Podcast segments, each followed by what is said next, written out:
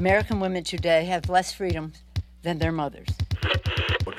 And these heat waves are becoming more frequent because of uh, climate change. Uh. Inflation in the euro area is undesirably high, and this is a great challenge. Every image is a new discovery, and each will give humanity a view of the universe that we've never seen before. Бойовий досвід і може приєднатися до оборони України, повинен негайно прибути до відповідних центрів. We have had wars with Russia, and we don't want that kind of future for ourselves, for our children. Hasta la vista, baby!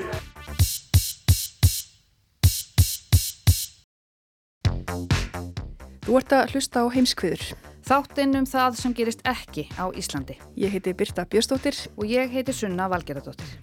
Það hefur líklega ekki farið fram hjá nokkrum einasta manni að ár var í gær liðið frá því að heri Rúslandsstjórnar réðustin í Úkræni.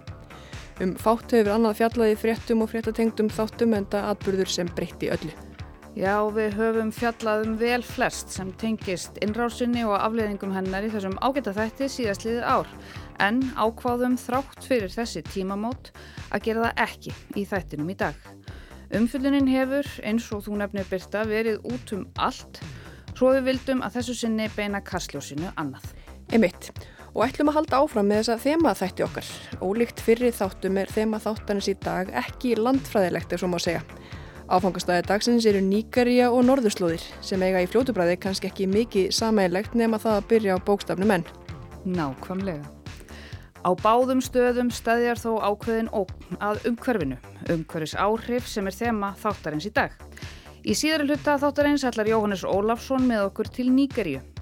Um 14.000 íbúar landsins hafa höfðað mál fyrir domstórum í Breitlandi gegn óljuresanum Sjell fyrir gengdarlausa og áratuga langa óljuvinnslu í landinu þeirra. Þau fara fram á skadabætur en sjálf vil ekkert kannast við að starfsemi þeirra hafi eðilagt vistkerfi eða mengað vassból. Já, það er eins og þú segir í síðar hluta þáttarins en við ætlum að byrja á norðurslóðum. Þó plastmengun í hafi sé þar heldur lítil með við til dæmis miðjarhafið þá er hún aukast. Og hvaðan kemur þessi plastmengun á svæðinu sem sárafáir búa á? Já, það er mikið til úr sjáurútveginum En sömurleiðis er þannig áhrif frá okkur, til dæmis úr dekjakurli sem fíkur frá fókbalduvöllum og í plastþráðum úr útivistafatnaði sem losna úr þeim við þvott og komast þannig út í umhverfið. Hallgrimur Indriðarsson var að ráðstefnu Arctic Frontiers á dögunum þar sem plastmengun og norðurslóðum var meðal annars til umfjöldunar. Við skulum nú gefa Hallgrimi orðið. The Arctic was a showcase for the world on how countries could work together. That has changed. Við erum stödd í Tromsö Þar fór fram ráðstefna Arctic Frontiers um síðustu mánuðamót. Norðurslóðapolítík var þar áberandi vegna fjárveru rúsa á ráðstefnunni og í Norðurskautsráðinu. En í umræðu um Norðurslóðamál hafa umhverfis og lofslagsmál verið áberandi og þar var þessi ráðstefna engin undantekning.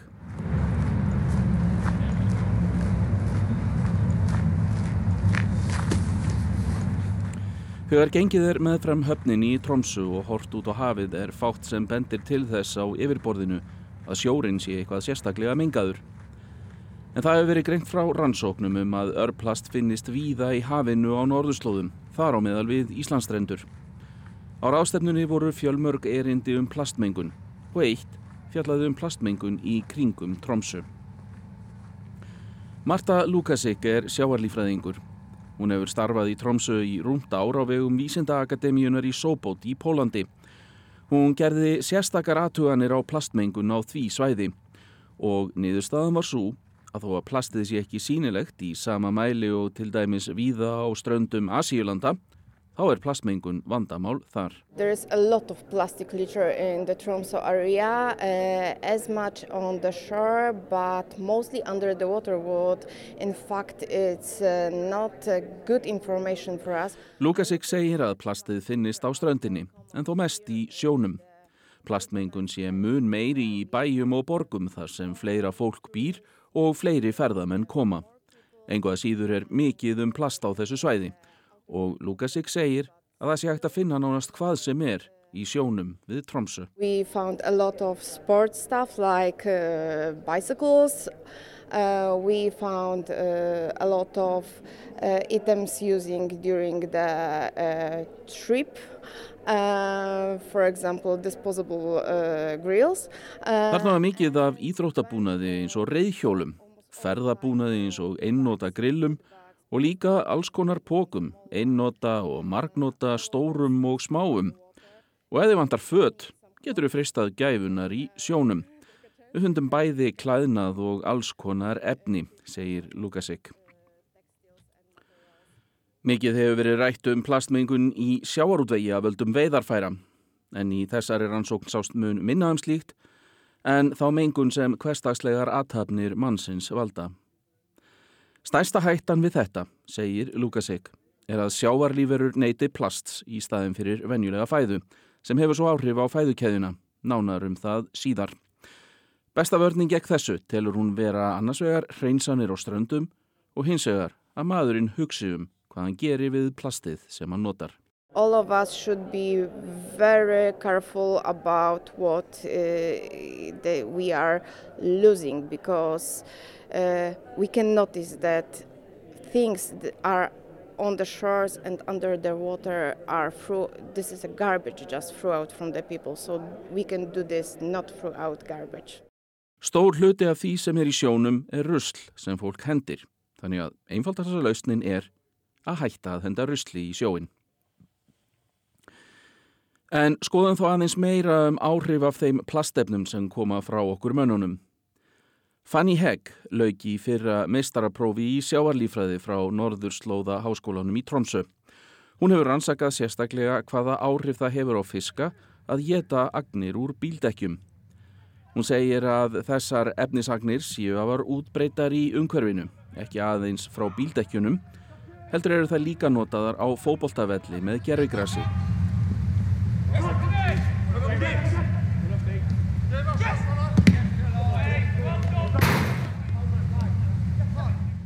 Lítið sé hins vegar vitað um áhrif þessara efna. Det är ett aktuellt ämne och eh, speciellt här i, i Norge, Sverige, jag vet inte hur det är på Island, men där vi har väldigt mycket av de här gummigranulatspartiklarna. Eh, mycket snö. Fanny segir þetta sérstaklega mikilvægt rannsóknarefni á Norðurlöndum. Fullirtir reyndar ekki með Ísland en þar hefur þetta vissulega verið stórt umræðuefni. Ástæðan er svo að efnið berst gjarnan í umhverfið þar á meðal út í sjó með snjó þegar hann bráðunar. Niðurstaða Fannyar var svo að fiskarnir gera engan greinarmun á þessum ögnum og venjulegri fæðu. Þeir sjá einfallega ekki munin. Två av de här fiskarna hade ju över 80 partiklar i magen, så det är ganska många partiklar. Ehm, också de kemikalierna som, som vi tittar på, som vi hittade, är ju väldigt, de är ju relaterade till just specifikt däck. Tveir af fiskunum sem voru skoðaðir voru með yfir 80 efnisagnir í maganum sem Fanny telur bísna mikið. Þá segir hún að efni úr dekkjónum hafi einnig fundist í blóði fiskana sem henni þótti áhugavert og nokkuð sem verður rannsakað frekar. Fanny segir að enn sem komið er sé ekki hægt að fullir það að það sé hættulegt fyrir fólk að neyta fisks sem hefur þessi efni í sér. Frekari rannsóknir þurfi til að leiða það í ljós. En aðspörðum hvað sé hægt að gera til að takmarka útbreyslu þessara efna talar hún fyrst um knaspinuvellina. Vi har ju sett utanför fotbollsfält snöhögen att de är helt svarta. Och jag vet inte om man skulle kunna vara lite mer försiktig med just den snön, vart man väljer att placera den. För att här i Tromsö så är den snöhögen precis bredvid ån. Maður sér oft að vellinir eru nánast svartir út af dekkjakurlinu. Það þarf að passa upp á hvar þessir vellir eru staðsettir, segir Fanny. Hún nefnir sem dæmi að í Tromsö best kurlið í ár sem svo renna út í sjó. Betra sé að vellinni séu ekki nálegt slíkum stöðum. Hún segir að önnur ráð sem gripið hafi verið til sé að setja háan kant í kringum vellina til að hindra að kurlið berist frá þeim og reynsa markvist undan skóm eftir að spilað hafi verið á völlunum. Fanny viðurkennir að það sé erfiðara að koma í veg fyrir að agnir af bíldekkjum berist í umhverfið því við erum jú alltaf að keira.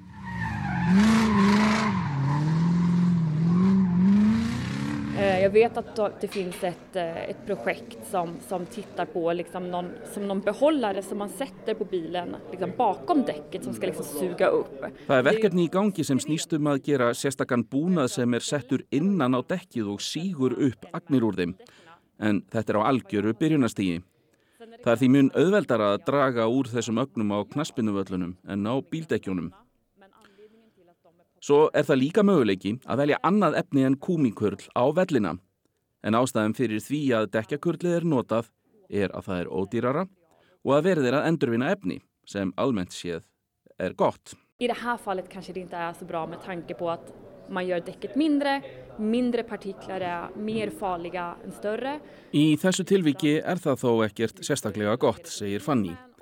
Það væri hægt að minka dekkin, en þá verða agnirnar út frá því minni og þar var liðandi hættulegri, þar sem meira af hættulegum efnum sleppur út. Við vitum í sjálfu sér ekki hvaða áhrif það hefur. Þetta er blanda af alls konar efnum og það þarf að rannsaka þetta meira. Þess má geta að önnur rannsókleiti í ljós að örplast sem á uppbruna sinni í dekkjum finnst líka í andrumslofti við þann hluta Noregstrandar sem liggur að Barentshafi. En allt eru þetta lítil og oft staðbundin dæmi. Heildarvandin í plastmengun á norðurslóðum er stór og um það var líka fjallað í nokkrum erindum. Meðal annars var gerð könnun á plastmengun í Barentshafi sem leiti í ljós að plastmengun var mun meiri í Finnmörku í Noregi en við eiguna Novaja Semlja norður af Rúslandi. Skýringin á þessu er meiri sjávarútöfur. Þegar farið var enn austar, minkaði svo plastmengunin enn meir. Svisneski lofslagssérfræðingurinn Dario Svörer, sem starfar fyrir lofslagssamtökin Top to Top, fjallaði um plastmengunar vandan á norðurslóðum á rástefninni. Samtökin stundar rannsóknir í lofslagsmálum víða um heim. Uh, so the quantities are not so much when you compare to the Mediterranean Sea, where you have about more than 10 times more microplastic in the ocean. But you have to look uh, where you find the microplastic. Dario segir að plastmengun sé, hort til heildarmaks, lítil samanborið við miðjararhafið þar sem plastmengunin er tíu sinnum meiri en á norðurslóðum. Hins vegar þurfi að skoða hvar þetta plast finnst. Og þar sem það finnst á annað borð, sapnast það fyrir í töluverðu magni. Í tilfelli norðurslóða eru það strendurnar. Þar hafi tíðnin farið úr 19 hlutum á hvert ferkilometra í yfir 100 og samtökin hafa gert slíka rannsóknir hér á landi.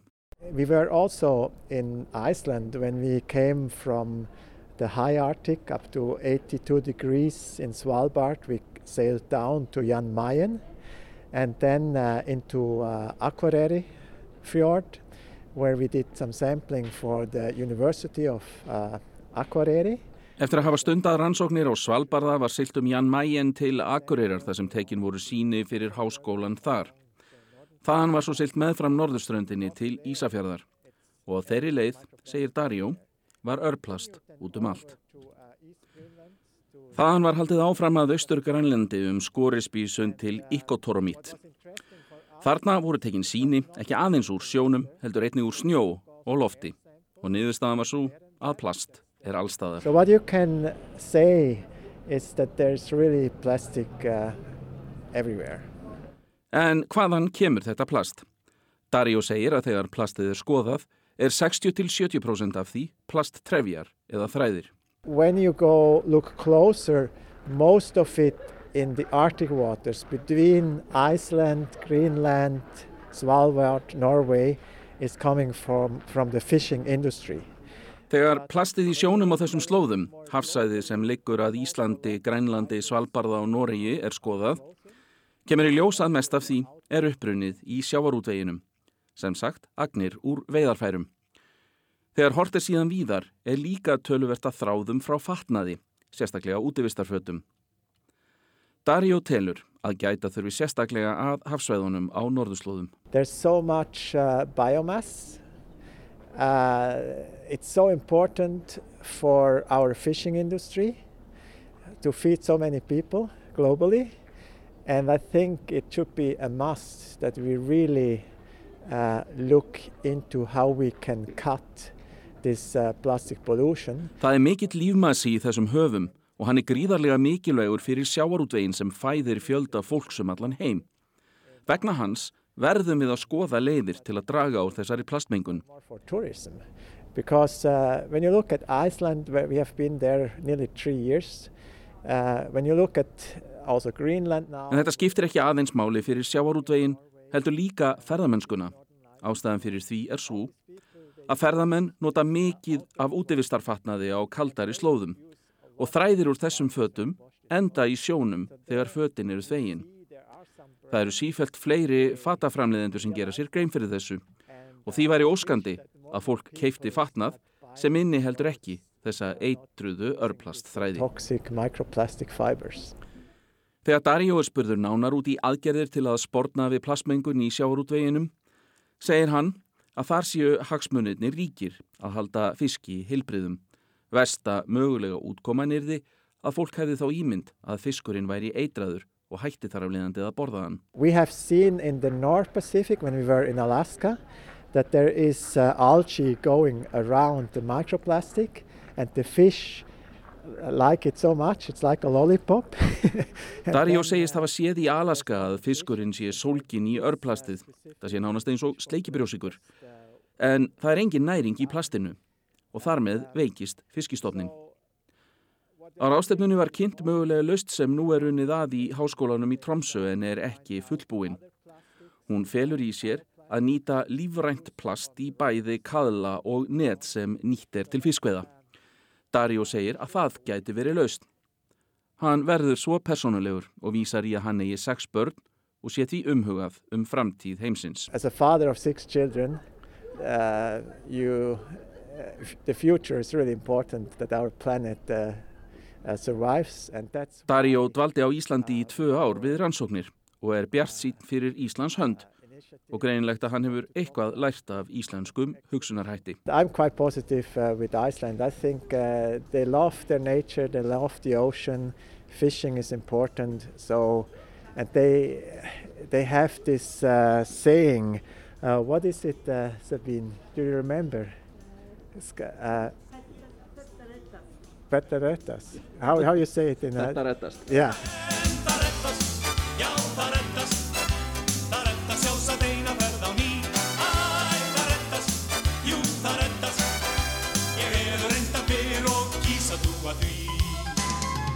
so, so with this uh, kind of uh, attitude, there will be for sure a solution in Iceland, and my, maybe Iceland can be the pioneers for the rest of the world how to do it better in, in the fishing industry and so on. Sem sagt, með þessum hugsunarhætti þetta reddast, hefur Daríó trú á að Íslandingar finni lausna á þessum vanda og hver veit, segir hann, nema að Íslandingar verði frumkvöðlar í því að leysa plastmengunarvandan sem nú stafar af veiðarfærum í sjáarútvegi. Ólíkt flestum Íslandingum sem við hafa þó þetta síkilda orðatildæki veit Daríó að þessi vandi leysist ekki af sjálfu sér.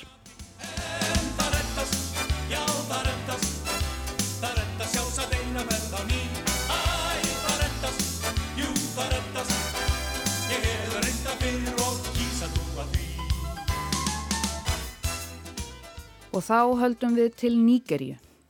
Tæplega 14.000 íbúar landsins hafa höfðað mál fyrir domstólum í London gegn ólíurísanum Shell fyrir gengdarlausa og áratuga langa ólíuvinnslu í Nýgerju með tilheyrandi mengunarslesum og lekum.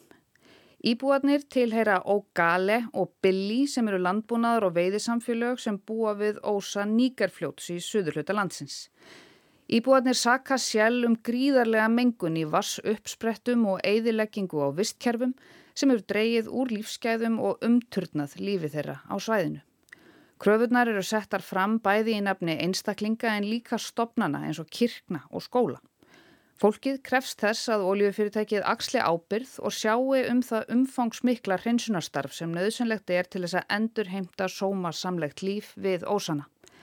Einnig gerir fólk kröfum skadabætur fyrir hörmungarnar sem óljöfinslan hefur valdið fyrir fiskveðar og landbúnað. Fóristu menn sjálf halda hins við að fasti þá skoðun að kröfunna séu tilhæfileysar. Þeir sést ekki bera ábyrð á þjófnaði og skemdarverkum skipulara glæpastarsemi sem það segir hafa valdið stórum hluta slísana. Þessi átök tegja sig eins og svo víða annar staðar í Afríku aftur til nýlendu tímans og málaferlin er aðeins einn kapli í flókinu sögu ólíuvinnslu sjálf í Nýgarju sem nú hyggst hætta vinsluðar eftir langa viðveru. Jóhannes Ólafsson tekur nú við.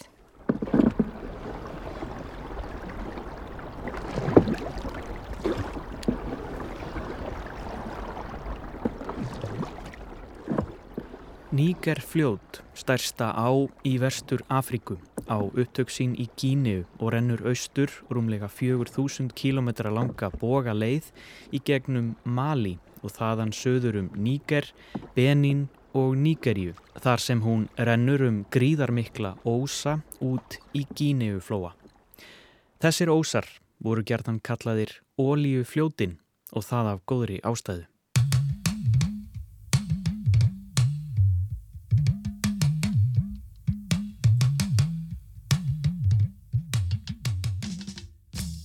Málaferli sem standa nú yfir gegn ólíurisanum Shell er engin þrjum ár heiðskýru lofti. Saga fyrirtækisins í Níkeríu sem dælt hefur upp ólíu í ósum Níkerfljóts í söður hluta landsins áratugum saman er laung, flókin og ötuð ólíu og blóði. Við lok breska nýlendutímans opnuðust gáttir fyrir alþjóðlega fjárfestingu í Níkeríu og ólíufyrirtæki sá sér leika á borði þegar þar fannst ólíja einna mest við ósana í söðri. Vermætti þeirra í gegnum tíðina hleypur á hundruðum miljardar dollara.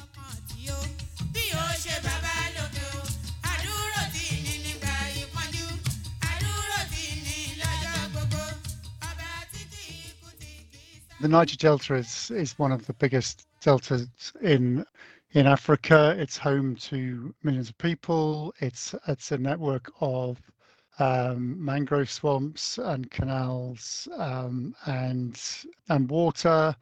It's this huge, very productive area of of the of Nigeria. It's got you know farmlands, and since um, 1956, when Shell started exploring for oil uh, in the delta, there's been well, there's been a massive conflict over over oil in in the delta.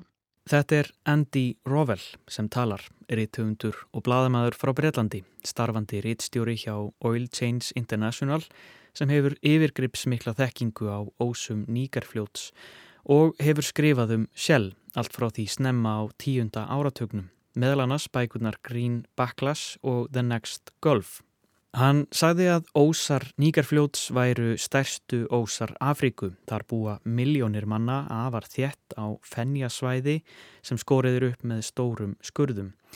Þetta er stórt landbúnaðsvæði sem sér Nígarju fyrir matvælum í miklu magni en frá árunum 1956 og 7 þegar Shell hóf leitað ólíu hafa oft og reglulega skapast deilur um ólíu. So, so since basically the late 50s, it was they found oil, and pretty soon afterwards there were sort of community community unrest. Um, and I mean, for example, by by 1970, and a, a popular Agoni song was um, "The flames of Shell are flames of hell. We bask below their light. Nout for us serve the blight of cursed neglect and cursed shell." Shell fann ólíu við lók sjötta áratugurins en fljótlega fór að gæta óróa í samfélaginu. Um 1970 var vinsalt sönglag meðal fólks með þessum texta. Eldar Shell eru vítislogar, við böðum okkur í ljóma þeirra, ekkert fyrir okkur nema gróður eyðing af bölvaðri vanrakslu og bölvaðri skil. Þessi texti er eftir nýgaríska skáldið og aðgerðasinnan Ken Saro Viva sem betur verður komið að hér á eftir. Skilin í lók textans er auðvitað vísun í Shell á ennsku og sínir anduð margra á fyrirtækinu snemma eftir komið þess. In a quite a short period of time, you know, you know what I mean basically what happened happened in the Niger Delta is, you know, Shell went in and it started it's working with there's there's basically a, a mainly uh, illiterate you know breadline community it's it's taking over people's farmland and it's laying pipelines you know across across people's lands and it's flaring. So there's no there's no market for the for you know there's a market for the oil, but there's no market for the gas. So basically, a thousand cubic feet of gas was flared for every barrel of oil. Þannig eftir skamman tíma þegar Shell kom til Ósa Níkarfljóts fór það að vinna með bláfátækum og ólæsum íbúum svæðisins. Það yfirtók hýbili fólks, lagði ólíuleðslur þvert yfir land þeirra og hóf gasbrennslu því það var ekki markaður fyrir gasið. Það var markaður fyrir ólíuna en ekki gasið. Tæpir 30.000 lítrar af gasi urðu til með hverri tunnu af ólíu.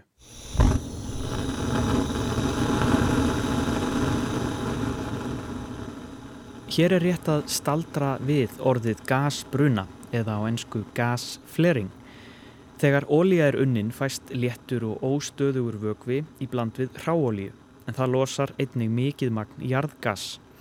Og þegar það er brent á staðnum með tilherandi eld, tungum og mengun kallast það gasbruni. Það losar ekki bara koltvísýring, heldur getur það valdið langvarandi heilsufars vandamálum í fólki, svo sem í öndunafærum og augum. Ef innviðir sem geta fangað, flutt og nýtt gasið hefðu verið fyrir hendi, hefðu það mætt orkuþörf nýgerju í heilsinni. Væri unnið úr öllu því magni jarðgas sem brent er með þessum hætti um allan heim ár hvert, væri hægt að framleiða ramagn fyrir öll ríki Afriku söður af Sahara. En gasbrunni sparar oljufyrirtækjum mikinn pening því bygging slíkra innviða kostar jú skildingin. Mikil skortur er á rafmagni og rennandi vatni hjá rúmlega helmingi þeirra sem búa í kringum ósa nýgarfljóts. Atvinnuleysi er þar gríðarlega mikið og eins kaltænislega og það kann að hljóma glýmir fólk einnig við mikinn eldsneitis skort.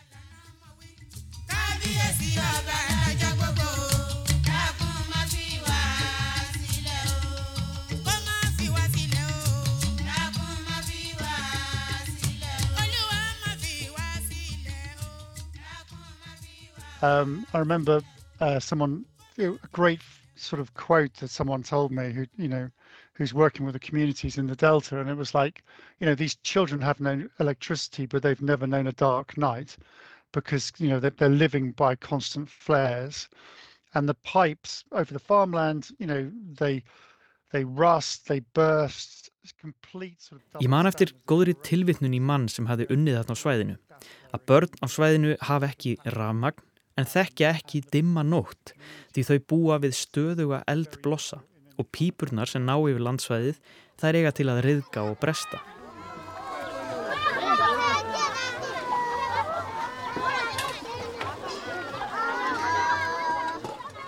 Sjell hefur sínt landi og íbúum nýgaríu grímulösa óverðingu í gegnum tíðina.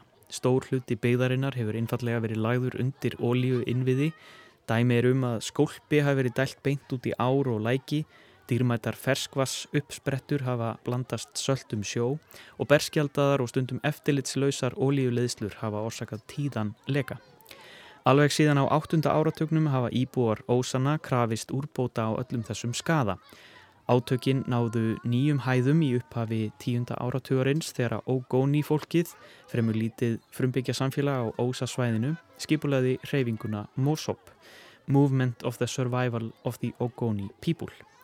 Mósop barðist fyrir bættum kjörum fólks af Ogoni þjóðfloknum undir fórustu Ken Saro-Víva sem nefndur var hér áðan, sem var þekkt skáld og aðgera sinni þar í landi.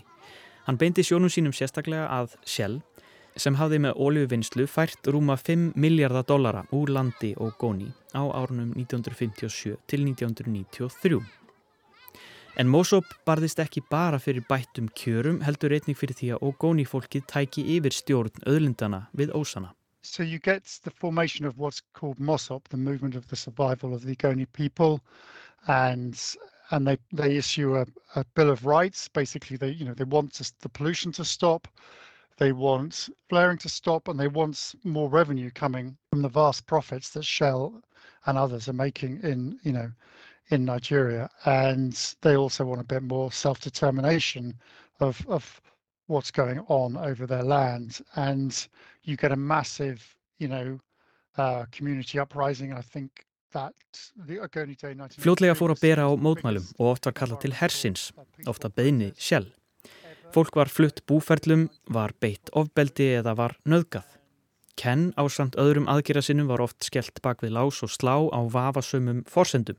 Heimildir eru fyrir því að sjálf hafi greitt hernum fyrir. Og einnig hafi það mútað likil vittnum þegar mál þessu tengd fóru fyrir herrétt til þess að vittna gegn Ken Saro-Wiwa. Shell neytaði þessu öllu auðvita. Already you're seeing um, you know, where the communities are um, where they are protesting, there's, there's often the military um, are being called in, and Shell is knowingly um, asking for the for military assistance. Uh, people are getting killed. Um, houses, are, houses you know, people are getting displaced, um, and people are getting injured. People are getting raped. You know, um, Ken is Ken and others are beginning to be imprisoned uh, on and off on on sort of trumped up charges.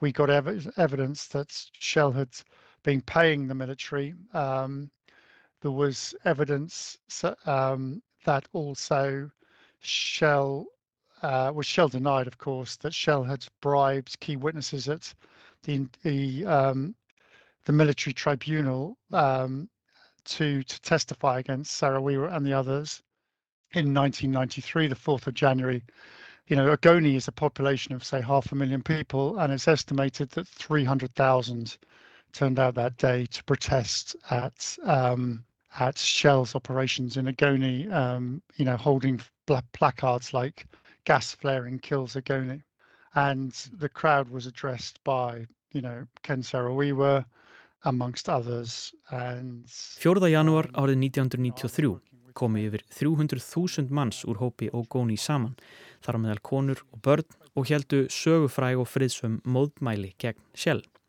Þetta er fyrir sléttum 30 árum. Shell neytist til að hætta vinslu á svæðum og góni með tilherandi tekitabi en fyrirtæki var eftir sem áður stærsti aðilinn á öðrum svæðum við ósa nýgarfljóts. Þar með var ekki öll sagan sögð. Nýgerísk stjórnvöld lítu á þetta skipulaða andof gegn olíuvinnslu sem mikla ógn við tekjuöflun ríkisins en olíja var um 80% af heldartekjum ríkisins.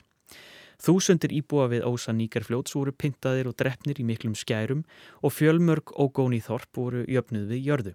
Árið 1995 var Ken Saro-Wiwa auk átta annara, kallaðir ógóni nýmenningarnir, dregin fyrir herrétt af stjórn Sani Abacha herfóringja. Allir nýju ákjærðu voru hengdir. Þar með rættist spá sjálfs Saro-Wiwa en hann hafði sagt þeir munu handtáka okkur alla og taka okkur á lífi allt í nafni sjálf.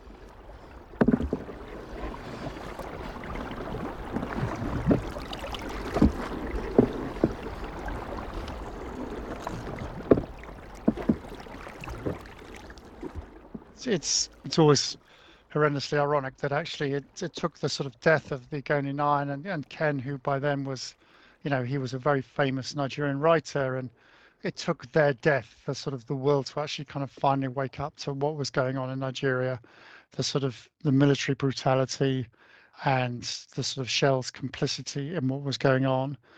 And after that, it's, you know, there was there was a decades um, long struggle by the first of all of the family, the Weaver family of of Kansara Weaver, to, to seek justice, and also the the families of some of the other widows of the Agoni Nine to seek justice, and that took decades. Það er hræðilega kaltærinslegt að nýmenningarnir og Ken sem þá var frægur nýgarískur höfundur að það hafi þurft dauða þeirra til þess að heimurinn vaknaði loks og áttaði sig á ofbeldinu, hervaldinu og hlutdeilt sjell í málinu. Í kjölfar þess tók við áratuga laung baráta aðstandenda nýmenningana til þess að fá réttlætinu fullnægt. Máli var svo leitt til lykta með samkúmulegi fyrir domstólum í New York. Það var svo farið með málið lengra gegn Shell og reynda að fá þá til að axla ábyrg fyrir umkörjusbjöllin að það leðina til hag. En þar hafði Shell betur.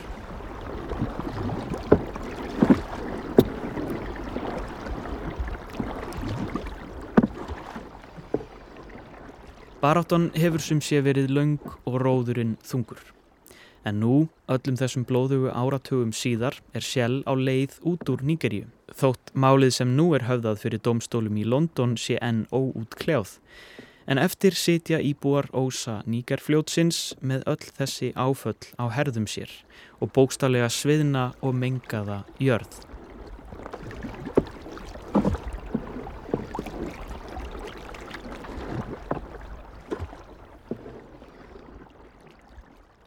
One of the sort of great paradoxes of Nigeria is it's had so much wealth from oil, and yet, you know, the majority of people in the Delta still live in poverty, still, you know, there's still a lot of pollution.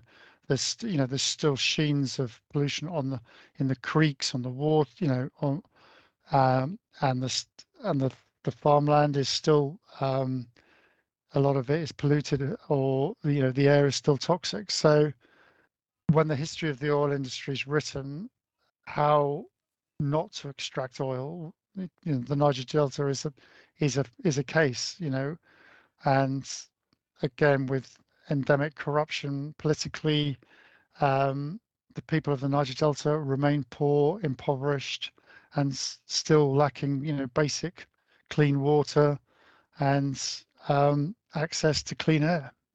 Ein af ótrúlegum þversögnum Níkaríu er að mikill auður hefur skapast vegna olíuvinnslu. Þrátt fyrir það býr stærstur hluti fólks við bákjör, við fátækt, mikla mengun, það eru glampandi olíublettir í ám og vötnum. Ræktarlöndin eru menguð og loftið er það líka. Þegar saga olíu yðnaðarins verður skrifuð um það hvernig á ekki að vinna olíu eru ósar Níkarfljóts stórt dæmi með landlega pólitíska spillingu og íbúar verða áfram fátæk og skortir aðgengi að hreinu vatni og lofti.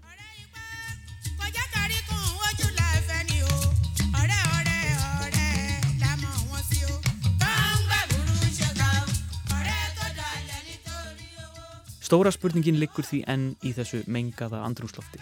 Hvort málaferlinn í London hafi eitthvað að segja og hvort eitthvað eigi eftir að breytast við ósana. Again, it's a good question. I mean, what will be better is actually for, you know, if this court case to win, to hold these companies to account.